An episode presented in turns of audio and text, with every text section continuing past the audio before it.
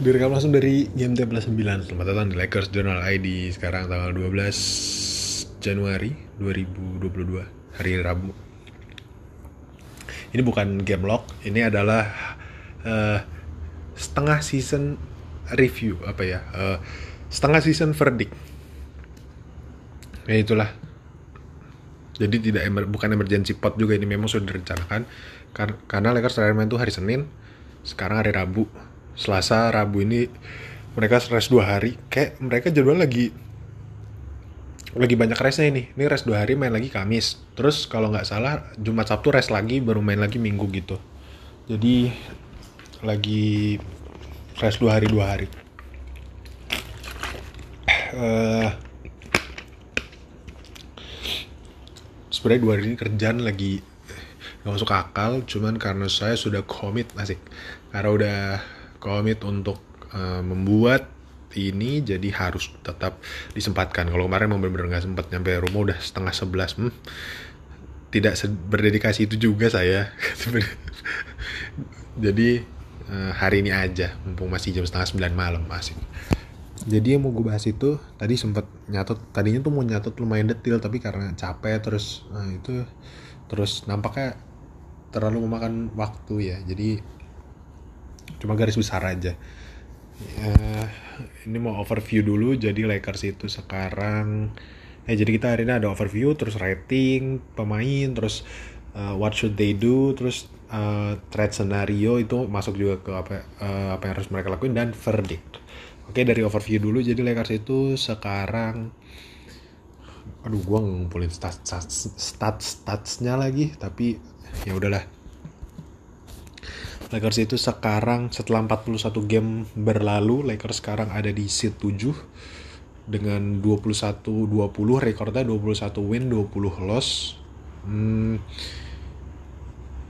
kita ada di seat 7, GB-nya sama seat 1 10 setengah yang yang kayaknya nggak akan kejar.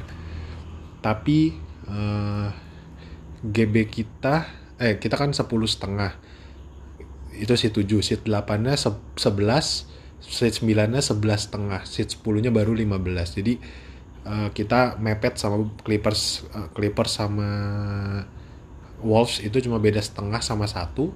Terus ke, di set 6 itu Denver kita sama sama-sama 10 setengah. Cuma Denver masih 39 game gitu udah 41 game. Jadi kalahnya lebih banyak makanya kita di bawah dia.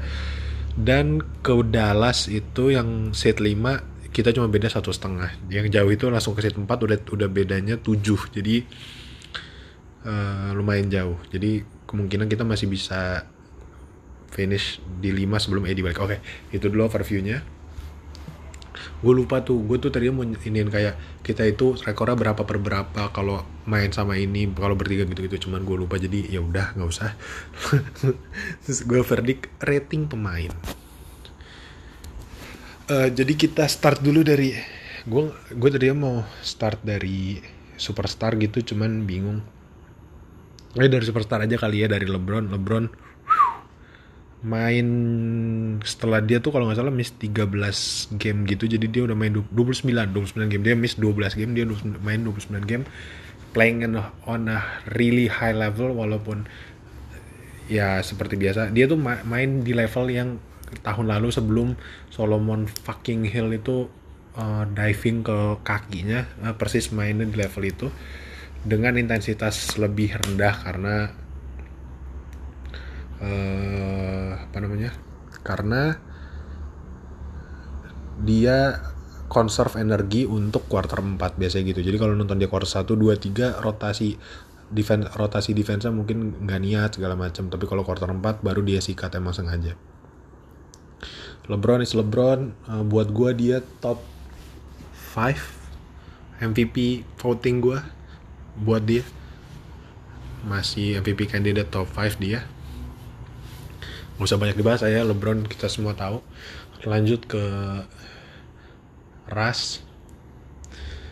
Uh, eh AD dulu deh. AD AD lagi kemarin kan MCL start musim nggak terlalu baik menurut gue uh, sehat. Tapi kalau MCL kan susah ya emang di emang biasa. Lagi-lagi ada ground man jat diving ke kaki. Pemain gua yang mau gimana MCL di reevaluate di re evaluate 4 minggu. Kemarin udah udah ada videonya dia uh, pre-game itu pakai ini sih knee brace ya emang. Gede banget itu cuman dia udah nembak-nembak udah udah mulai apa namanya uh, skipping udah mulai lompat udah mulai jump rope gitu. Terus uh, eh, gue tadi juga sempat nonton videonya 3CB Performance kalau salah dokter siapa gitu yang yang yang kayak dari namanya India itu. Ngelihat dari nilai dari video itu men, mendekati jadi time, kan kemarin akan di reevaluate 4 minggu. Nah 4 hari dari 4 minggu itu adalah 4 hari dari sekarang. Dan udah menuju ke jalan yang benar jadi dia udah mulai uh, bisa pergerakan yang statis gitu yang nggak bukan lateral movement ya. Udah bisa udah udah bisa jadi next stepnya itu untuk lateral movementnya. Kalau udah bisa berarti dia udah udah bisa langsung main. Dan kemungkinan dia bisa baliknya on schedule gitu. Mungkin nambah dua minggu lagi mungkin seminggu dua minggu ya sekitar itu. Jadi startnya uh, season ini menurut gue dari segi healthnya solid. Gue nggak gue karena dia bulking ya jadi gue nggak takut badannya nggak nggak seringkih dulu. Jadi nggak terlalu kalau dulu tuh takut banget gue ngeliat dia ketabrak dikit takut cedera jatuh dikit takut cedera kontes dikit takut cedera. Cuman kalau sekarang nggak karena udah bulking badannya gede. Tapi dia kayaknya losing a bit of his atlet athleticism jadi jadi nggak atletik dulu gitu. Dia di, sekarang gampang diboyo-boyo center. Kalau dilempar up gampang suka kagak nangkep gitu. Jadi nggak sebouncy dulu. Nggak seatletis dua tahun lalu. Bahkan nggak seatletis tahun lalu dan gue baca-baca emang kayaknya ada ngaruhnya. Jadi trade offnya karena dia bulking badannya jadi gede dia uh, agak berkurang di faktor itu. Ya serba salah ya. Kalau atletis dia nggak nggak bisa main karena cedera. Tapi kalau sekarang uh, lebih kuat dari cedera tapi nggak bouncy. Dan yang paling parah itu nembaknya. Nem three point hari uh, season ini parah banget dia udah nggak ada gak ada gravity lagi di three point karena saking jeleknya three point pak uh, mediumnya kayaknya masih lumayan lah. Ya masih standar dia lah. Cuma kalau three pointnya gila hancur banget. Dan uh, yang gue bingung itu kalau dia nanti balik nih. Kan 4 minggu nih dia. Semoga gue tuh mikir bisa nggak ya dia lean lagi gitu dalam waktu 4 sampai 6 minggu ini kalau balik? Tapi kayaknya nggak mungkin. Jadi semoga dia work on his jump shot gitu. Nah, dan ya semoga dia balik jadi AD karena tetap butuh gitu. Kita tetap butuh Davis untuk bermain di uh, peak performance-nya gitu. Terus Ras ini juga pemain yang saya bikin gue pusing sepanjang season. Jadi dari awal itu gue emang um, ngasih dia toleransi yang amat sangat besar. Jadi uh, dari awal tuh emang gue sengaja gue biarin aja kayak oh ya udah emang emang memang dia lagi proses adaptasi emang ras selalu gitu. Semua pemain juga gue gue gue biarin kok karena dia lagi finding his groove, finding his rhythm, tim baru, uh, zero continuity gitu. Dia gue biarin. Terus kemarin itu sempat dia main bagus banget kalau nggak salah itu sekitar men, bulan Desember lah. Bulan Desember itu dia ada game streak tuh bagus banget mainnya solid 7 mungkin 7 8 9 game lah gue lupa dia solid banget mainnya.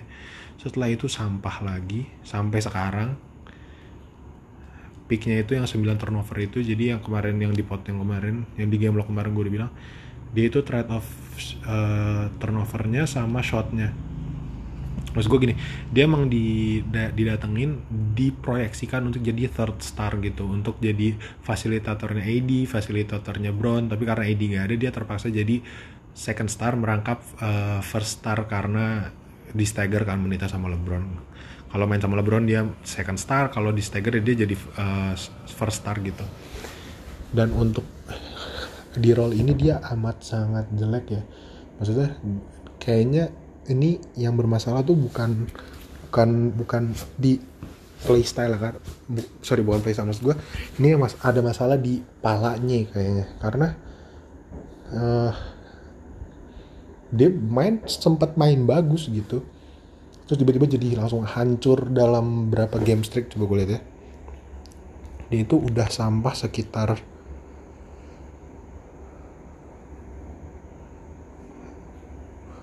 lima game 4 pokoknya sampahnya banyak lah. Waktu kita oh enggak. Dia itu dia itu sampah pas kita mulai menang. Aneh deh. Dia kan triple double tuh tapi mainnya sampah gitu. Udah mulai jelek banget. Uh, careless sama bola lempar-lempar. Ya sebenarnya kita nggak bisa nggak akan bisa nilai sampai mereka mah bertiga main di dengan game time yang banyak selama bertiga. Karena kalau nggak salah mereka belum 10 game deh main bertiga. Apa udah ya? Gue lupa. Kayak gitu lah uh, dan eh ini langsung aja kali ya. Sekalian lagi pemain gitu Ras jadi menurut gue Ras tidak untouchable. Memang di dealingnya susah. Kan ini ntar aja deh. Udah itu dulu Ras habis itu lanjut top 3 udah. Terus gue lanjut dari guard aja ya. Nan Nan gak bisa di tidak bisa gue bilang apa-apa karena dia bone bruise sampai sekarang masih belum bisa. Tapi tadi ada update. Gue lupa lagi baca di mana. Kalau se apa? Nan akan balik sebelum Januari. Berakhir jadi dalam waktu 2 sampai 3 minggu ini kemungkinan Nan udah balik 2 minggu lah. 2 minggu mungkin udah balik. Terus Monk Monk playing out his mind cuman last game dia bau banget. Kasihan. Ya nggak apa-apa sih orang dia udah 7 8 games bagus banget. Kemarin sampah ya udah. Nah, dia nggak find his touch dari awal karena emang ritmenya jelek. Gue nontonnya juga ih apa nih? Ritmenya aneh banget gitu. Solid banget untuk uh, nilai untuk untuk untuk pemain Fatman gue ber, gua aja berharap gimana cara kita bisa retain Monk tahun depan. Karena yang pasti perform perform kayak gini tahun depan mah 80 M 4 tahun mah pasti ada. 50 M 4 tahun tuh banyak pasti yang nawar dia kayak gitu. 3 level shoot 3 level 3 level scorer bagus defense gue yang gue kaget itu adalah uh, uh, jam di defense-nya ya. Jadi dia itu dari nggak bisa defense jadi lumayan disiplin. Dia jadi mulai mau rotasi dia mulai uh, help defense-nya bagus terus dia follow orangnya bagus kecuali yang uh, dia jaga orang yang bigger atau uh, taller dari dia dia kalah. Tapi kalau masih setara kayak jaga yang kecil-kecil gitu bisa dia. Solid. Gue kaget respect gue memong terus Ellington Ellington itu DNPCD kalau nggak salah 3 atau 4 game gitu. Waktu wins kalau waktu semuanya balik tuh kalau nggak salah dia DNPCD sekitar 3 game baru last game kemarin main di garbage time itu. Dan buat gue dia nggak apa-apa sih ditahan karena dia mau shooter aja gitu. Jadi kalau shotnya nggak fall ya ditaruh lagi nanti baru mainin lagi. Jadi nggak ada yang terlalu banyak untuk untuk Ellington. Reeves Austin fucking Reeves. Kemarin baru guaranteed uh, cuma lima ribu kalau nggak salah buat gue ini adalah main rotation player. Dia harus main dan catatan gue adalah itu. Dia harus diperbanyak offense terus Ariza. Ariza udah main 7 6 game. 7 7 game. 16 menit per game. Dan gue ngeliat dia masih ramping up ya masih slow banget. Kayak geraknya tuh kurang cepat. Ini antara dianya memang slow atau dianya masih uh, proses untuk ke uh, apa namanya ke real game speed gitu ke kecepatan game normal gitu. Jadinya eh masih gue tungguin lah karena dia baru main 7 game jadi nggak bisa verdict apa apa Bradley. Uh, game kemarin jelek banget IQ-nya kelihatan lagi tiba-tiba nembak aneh apa segala macam mengambil keputusan salah. Tapi ya ya udah Bradley Bradley. Dia emang ada untuk uh, point of attack defender dia untuk yang ngikutin pemain sampai ke toilet juga diikutin jadi ya dia bisa lah. THT ini salah satu orang eh, pemain yang terjepit situasi. Dia ada di tim yang win now sementara dia progresnya nggak secepat itu. Mungkin Lakers gambling karena ngelihat kus-kus waktu 2000 kita juara itu 2020 dia itu sampah. Pokoknya masih masih kus yang masih kus yang dulu lah. Terus uh, lockdown pas mau balik ke bubble dia kan kan tetap workout tuh tetap workout tetap latihan apa. Pas balik ke bubble tiba-tiba defense-nya bagus bener-bener bagus kayak dari orang nggak bisa defense jadi bisa defense. Gue juga nggak tahu dia tuh latihan di mana sama siapa. Uh, tapi jadi bagus banget. Untuk role player dia solid banget wing defender apalagi dia punya size dia punya speed dan teknik defense jadi bagus jadi solid banget. Nah mungkin Lakers ambil gambling itu karena THT dari segi defense kalau dari floornya ya dari dari rookie nongol sama Kus THT udah jauh di atas Kus untuk one on one defense dia lebih bagus. Cuman offense-nya memang nggak terlalu bagus dari segi nembak ya karena dia cuma bisa penetrasi. Sementara kalau di NBA lu mau penetrasi dalam lu Gobert, dalam lu Giannis udah nungguin lu gitu. Di, di dalam lu Aiton dalam lu Jokic gitu jadi susah lu mau nabrak. Makanya dia eh, ini dan kemarin sempat slump 7 game mungkin 8 game jelek banget. Terus udah dua game terakhir dua atau tiga game ya. Tiga game kalau nggak salah tiga game terakhir lumayan dua oh, tiga, sorry game kemarin jelek biasa aja tapi dua game sebelumnya itu solid. Dia udah nemuin ritmenya lagi udah pede lagi kayaknya dan belum seperti yang gue harapkan sih dia tapi ya mungkin dia akan menuju sampai ke sana. Terus lanjut Bazemore gue nggak gue nggak expect apa apa dari Bazemore ya. Udah tinggal dibuang aja itu buat buat buka slot. Kalaupun ditahan untuk uh, emergency glass buat defense wing juga ya udahlah gitu. Terus Melo Melo uh Melo juga. Kayak Mong salah satu off season signing paling berimpact. Dia harusnya ada di short stand aja. Kalau yang ma dia main kayak 20 30 menit gitu pasti toasted kakinya badannya juga udah nggak kuat lagi dia. Dan untuk spot up shooter dan triple dia amat sangat solid dan veteran dan uh, apa namanya touchnya touch sebagai pemain uh, pro apa superstar itu nggak hilang gitu. Jadi solid Stanley baru masuk masih masih 10 days sih.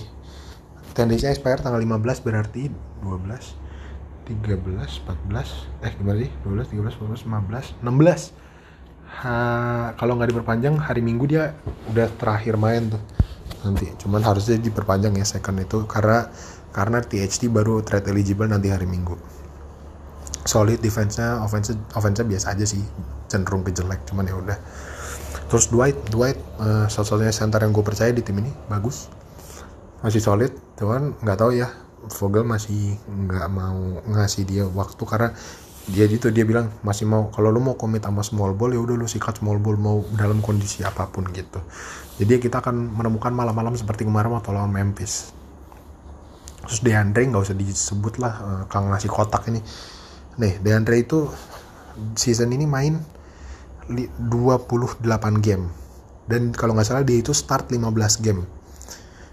Bayangin dia main 28 game dan start 15 game. Itu amat sangat ini ya amat sangat uh, sebuah miracle. Itu uh, mukjizat dia bisa main kayak gitu.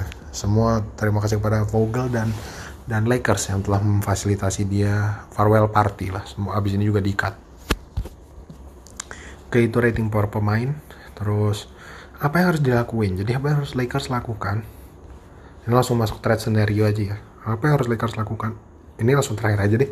Ini sesi terakhir adalah jadi apa yang gue harapkan mereka apa yang gue harap akan gue lihat sampai 41 game ke depan dan menurut gue apa yang bisa mereka lakukan. Oke dari pemain yang gue sebutin tadi menurut gue yang untouchable itu cuma LeBron AD Monk Melo Reeves. Udah. Ulang nih LeBron AD Reeves Melo Monk. Sisanya uh, menurut gue kalau ada yang mau dan lu bisa dealing lu bisa flip jadi yang lebih bagus lu flip aja udah. Uh, ras gue gak nyebut ras karena yang pertama gue udah cukup ngelihat dia dan kayaknya pun kalau adaptasi ya masih bisa. Tapi kalau misalnya di dealing misalnya ada tim goblok yang mau nampung dia gitu 44 jutanya tanpa kita harus uh, karena dia kan sisa player option di summer. Kalau dia nolak misalnya kita trade kalau dia nolak ya berarti tim itu ngosongin 44 juta. Tapi kalau dia uh, kalau dia opt in ya expiring aja gitu. Jadi kalau misalnya ada tim goblok yang mau terus bisa di flip sama pemain yang solid aja gitu ya mungkin boleh tapi itu kan impossible ya. Itu hampir setara kayak Hitler mati di Garut. Jadinya gue nggak berharap itu tapi kalau dia stay pun gue masih oke okay, tapi kalau dia di trade pun ya gue nggak terlalu bermasalah. Cuman lima orang itu untouchable. Reeves, Melo, Monk, Brown, AD saya terserah. Dan yang paling banyak di dealing itu kan maksudnya yang, yang bisa di offer itu memang nunggu THT trade eligible nanti tanggal 15 terus nan empat setengah juta dia kan ML, taxpayer MLE itu sama uh, udah sama si saya salary balance aja itu uh, yang fatmin fatmin. Sama Lakers itu satu-satunya aset yang mereka punya adalah 2027 first round pick uh, first roundnya 2027 itu kayaknya lumayan mahal. Kenapa 2027 first pick? Karena uh, season LeBron kalau nggak salah ya LeBron sama AD sama pokoknya LeBron AD semua deal superstar ini kontraknya itu di dua di season 2006 2027 tuh mm, habis gitu. Mereka udah nggak ada kalau mereka nggak extend ya uh, di keadaan sekarang 2026 2027 tuh udah nggak ada AD jadi apakah dengan keadaan itu kemungkinan kan bisa ini ya bisa Lakers on gitu terus bisa lottery atau bahkan bisa top 5 pick lagi jadi agak mahal pick itu cuman karena masih 5 tahun lagi 5 6 5 tahun lagi jadi masih bisa digoyang-goyang sama tim lain. Dan uh, gua sih nggak apa-apa ya. Maksudnya dalam artian kalau bener-bener worth it gitu yang lu dapat lu buang aja 2027 first round pick nggak apa-apa. Kalau bisa protected malah lebih bagus tapi dapatnya yang worth it gitu biar win now. Jadi trade itu terus misalnya kita juara berarti kan di era LeBron kita dapat dua rings. Ya udah cukup. Mau nanti hancur lagi 10 tahun nggak apa-apa. Karena uh, worth it. Karena memang modenya win now gitu. Hmm, non THT gue oh ini gue tuh pengen ngeliat mereka trade untuk wing. Karena buyout market kayaknya uh, ini deh sepi banget. Gue nggak belum denger siapa gitu yang kandidat buyout. Kalau dulu kan udah lumayan kenceng udah kedengeran. Kayaknya yang mau di buyout A B C D sekarang nggak ada. Dari nama-nama yang gue kumpulin sih kemarin tuh gue sempat sempat ngumpul-ngumpulin Gary Harris eh tiba-tiba dia solid lagi Terence Ross ya solid lagi. Terus ada favor sebenarnya dari favors kan di OKC tapi gue nggak yakin karena OKC nyampe uh, salary floor aja belum gitu. Jadi mereka tetap harus nampung pemain lagi jadi kayaknya nggak mungkin Favors di buyout gitu. Uh, siapa lagi ya kandidat buyout tuh kemarin? Gue inget-inget bentar ya kita lihat. Kandidat buyout tuh berarti nggak di contender. Chicago nggak Brooklyn nggak Charlotte nggak ada Toronto nggak ada Washington kayaknya nggak ada Boston nggak ada. Indiana Detroit Orlando. Magic tuh kayak nggak ada yang mau di buyout Houston. Houston juga kayaknya nggak ada House uh, udah kemarin. Cuman nggak desain siapa-siapa kayaknya mau udah sampah aja deh. Gue ya nggak ada. De, uh, deadline apa? Oh Kevin Love gue pikir Lakers sengaja nggak mau ngambil orang gede karena dia mereka udah ngobrol-ngobrol sama Cavs untuk buyout terus mereka mau ngambil. Tapi tiba-tiba jago lagi Love sekarang dan gue amat sangat yakin dia nggak akan ke mana-mana. Dia bakal stay di Cavs. Iyalah ngapain dia buang gajinya kalau dia bisa menang? Sekarang Cavs kan seat 6 seat 6 tapi sam GB cuma lima setengah gokil. Dan ya tim bagus gitu. Jadi kalau mau trade trade yang kemarin kan banyak tuh uh, Jeremy Grant baru banget piece-nya Shams kalau nggak salah tadi pagi. Tadi pagi apa kemarin pagi gitu. Lakers tuh oh nggak kemarin pagi sorry. Lakers itu interest sama Miles, Turner, sama Grant. Tapi kalau ya gue sih open buat dua-duanya terserah. Tapi kalau gue disuruh pilih, gue milih Grant karena untuk uh, utilize AD di 5 lu butuh 4 yang jago banget. Dan LeBron main 45 menit kayak mati juga. Jadi Grant jadi front court lu tuh uh, Grant sama LeBron gitu eh Grant sama AD Aduh ngeri banget itu pasti. Dan yang gue suka dari Grant itu nembaknya bagus. Dan around the rimnya tuh bagus banget. Uh, finishing di paintnya tuh bagus banget. Menurut gue dia, dia di atas rata-rata sih untuk finishing uh, di paintnya penetrasi segala macamnya.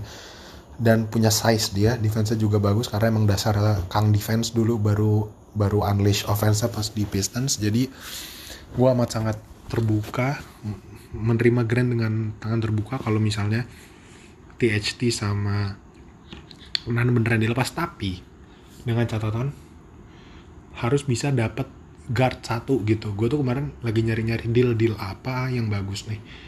Cuman agak susah memang untuk dapat guard lagi gitu. Karena guardnya Piston tuh mahal-mahal gitu. Kalau mau di attach Corey Corey Joseph tuh kalau nggak salah 6 atau 8 gitu. Jadi mahal-mahal banget. Atau uh, Barnes kan kemarin sempat ada Barnes tapi kayaknya Barnes nggak dijual sama Kings. Kings wingnya aja. Cuma dia sama Harkless kalau dia dibuang juga siapa yang main? Sama satu nama kemarin lagi kencang. Cam Reddish. Murah dia gaji cuma 4 4 atau 6 juta gitu. Dia masih rookie kontrak dan Hawks ini kemarin gue dengar uh, di ESPN yang Winhorst sama siapa gitu terus ada rekaman. Jadi kayak uh, lagi call sama Schlang Travis Schlang itu GM apa apa basketball opera, president of basketball operation gue lupa. Anggaplah GM lah Travis Schlang gamenya Hawks terus dia kayak di telepon tuh kayak ini kayak get, kayak ketar ketir gitu kayak Hai, kita nggak tahu nih mau ngapain jadi yang bisa aja kita nge-trade gitu gitu gitu. Jadi ngomongnya kayak anjing masa game ngomong kayak gitu uh, secara terbuka? Jadi ini bukan kayak sources sources tell gitu enggak dia ngomong sendiri.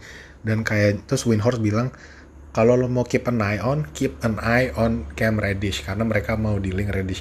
Tapi gue mikir karena kemarin ada news juga kalau Hawks itu mau Simmons. Jadi kayaknya kalau dari segi trade kayaknya mereka mending all out ke Simmons deh. Kayak Reddish, uh, Reddish terus Collins mungkin yang udah disgruntled buang kak datengin Simmons gitu. Tapi kalau misalnya mereka udah kepepet, ya kali aja kan mereka on gitu. Bisa kali Huerter lah Huerter Reddish tukar THT Nan sama salary uh, Fatminnya untuk Lakers apa Fatmin Lakers untuk nambah-nambah gitu sama first round pick 2027 rela gue Huerter Huerter itu kan sekarang gajinya 5M tapi dia habis extend 64M untuk 4 tahun startnya tahun depan. Berarti dia poison pillnya tuh baru nanti 15 Oktober jadi dia itu salary-nya kalau di trade dihitungnya 69 bagi 5 13,8 Terus Reddish itu kalau nggak salah antara 4 atau 6, anggaplah 6. 13,8 tambah 6, 19,8, 20 juta. Mereka berdua uh, gajinya setara sama uh, gajinya Grand Deal. Huerter gue suka banget dari dulu. Gue suka banget cara mainnya bener-bener komplimen tapi disuruh playmaking bisa SG yang pakai bagus IQ-nya ada aduh defense lumayan bagus gue suka banget Cam juga Reddish uh, defense juga kalau tapping solid mungkin dia agak kurang itu di all around defense ya maksudnya kayak mungkin dia sering bengong kehilangan orang atau uh, rotasinya suka telat tapi kalau untuk one on one juga solid dan bisa nembak gitu dan bisa create. Dua orang itu tuh Werther ya tapi ini nggak mungkin sih tapi ini hanya cita-cita namanya cita-cita. Jangan ngomelin apa. Werther sama uh, siapa namanya tuh? Sama si Reddish gua, lu berapa lama tuh gue diem tadi? 5 detik ada kali. Oke okay. itu sama satu lagi kemarin gue ngobrol sama temen gue ada satu franchise yang nampaknya sedang in shambles lagi kebingungan arahnya mau ke mana setelah kemarin sampai first first round apa ya? First round apa second round ya? Lupa gue sedang bingung ketar ketir dia padahal baru signing segala macam. Uh, nah nampaknya mereka masih me mendambakan sosok seorang superstar itu dia tidak lain bukan please welcome New York Knicks. Knicks uh, ini sebenarnya tidak ada di mana-mana, tidak ada news, tidak ada rumor gitu. Cuma gue ngobrol sama temen gue aja kemarin dan bisa bisa aja sih.